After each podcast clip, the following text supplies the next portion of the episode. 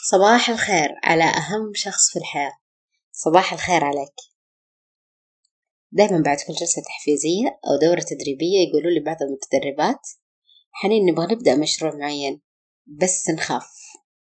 أغلب مخاوفهم تنقسم لقسمين الخوف من الفشل والقسم الثاني خوف من ردة فعل الآخرين لأن الإحساس بالخوف أمر طبيعي ووارد فحبيت هذه الصباحية نخصصها لأهمية التحرر من المخاوف خصوصا الخوف من الفشل.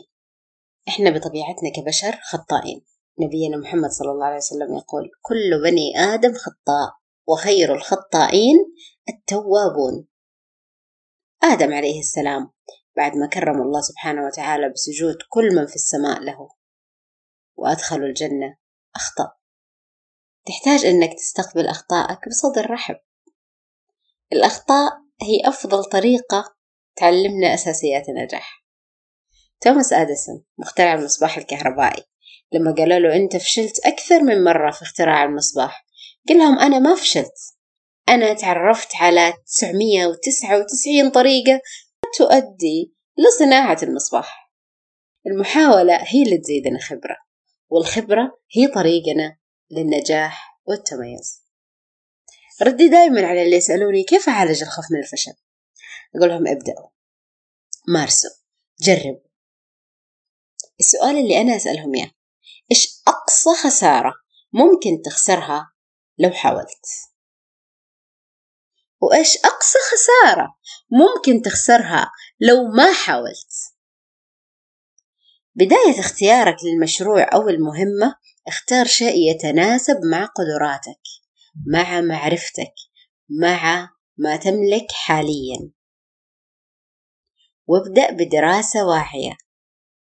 جهز أهداف جهز الفئة المستهدفة جهز الحلول اللي يقدمها هذا المشروع لمشكلة معينة وضع الخطة اليومية والشهرية وبالتالي السنوية.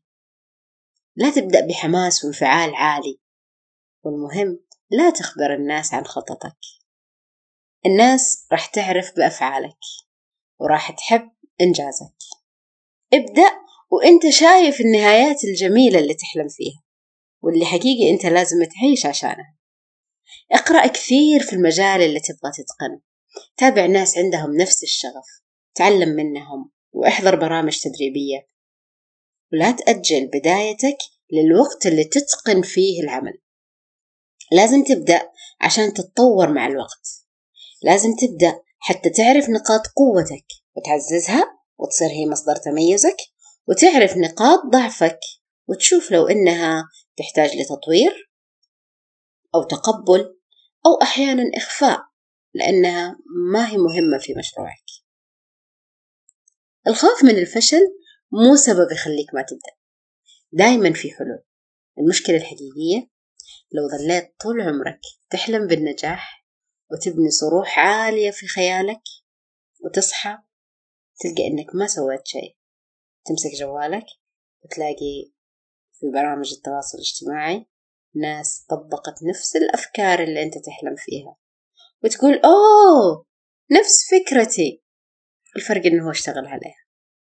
الفرق إنه هو قاوم فشله أو قاوم خوفه من الفشل وحاول إنه يوصل. خليك مصر على إنك تبدأ وتوصل مو علشان الناس. علشان نفسك تستحق إنها تشوفك في أعلى مكان. الله سبحانه وتعالى يقول والذين جاهدوا فينا لنهدينهم سبلنا. اسعى وراح توصل. جاهد نفسك جاهد لأجل أحلامك. وإنت معتقد ومتيقن بأن الله ما حط هذا الحلم في خيالك إلا عشان يوصلك إياه. الله سبحانه وتعالى يقول إن الله لا يغير ما بقوم حتى يغيروا ما بأنفسهم. الخوف اللي تشعر فيه موجود بس بقلبك ابدأ وراح تشوف إنه الحياة مليانة ناس حاربوا حتى يوصلوا. محمد صلى الله عليه وسلم يقول لو أنكم تتوكلون على الله حق توكله لرزقكم كما يرزق الطير. تروح خماصة وتغدو بطانة من اليوم أبغاك تحذف من قاموسك بس وما ولكن وما أقدر. لا تخلي اليوم يشبه أمس ولا تخلي سنتك الجاية تشبه عامك الماضي. اسعى بطريق حلمك وحول الواقع وأنا أنتظر إشراقك على خير. لا تنسى تسوي شير وأشوفك بإذن الرحمن بألف صحة وخير. والسلام عليكم ورحمة الله وبركاته.